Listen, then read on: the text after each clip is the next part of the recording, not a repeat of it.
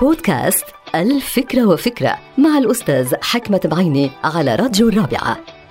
فكرة اليوم لها علاقة بالسعادة والإيجابية. يعني السعادة بتصنع الإيجابية أو الإيجابي هو بيصنع السعادة. طبعا في نظريتين حول هذا الموضوع والمعادلة بسيطة البيضة أولا أو الدجاجة. بمعنى آخر هناك اعتقاد لدى بعض المنظرين بشؤون السعادة أن السعادة أولا وليست الإيجابية أي أن من يولد سعيدا يتمتع بقدرة كبيرة على ممارسة الإيجابية كطريقة تفكير في حين لا يستطيع الإيجابي أنه يصنع السعادة إن لم يتمتع بالسعادة الفطرية. أنا هون بختلف بالرأي مع هؤلاء المنظرين لأنه الإيجابية هي قرار. من السهل أنه نقرر يوما من الأيام أن نكون إيجابيين ولكن من الصعب نقرر متى نشاء أنه نكون سعداء. السعادة تختلف عن الإيجابية.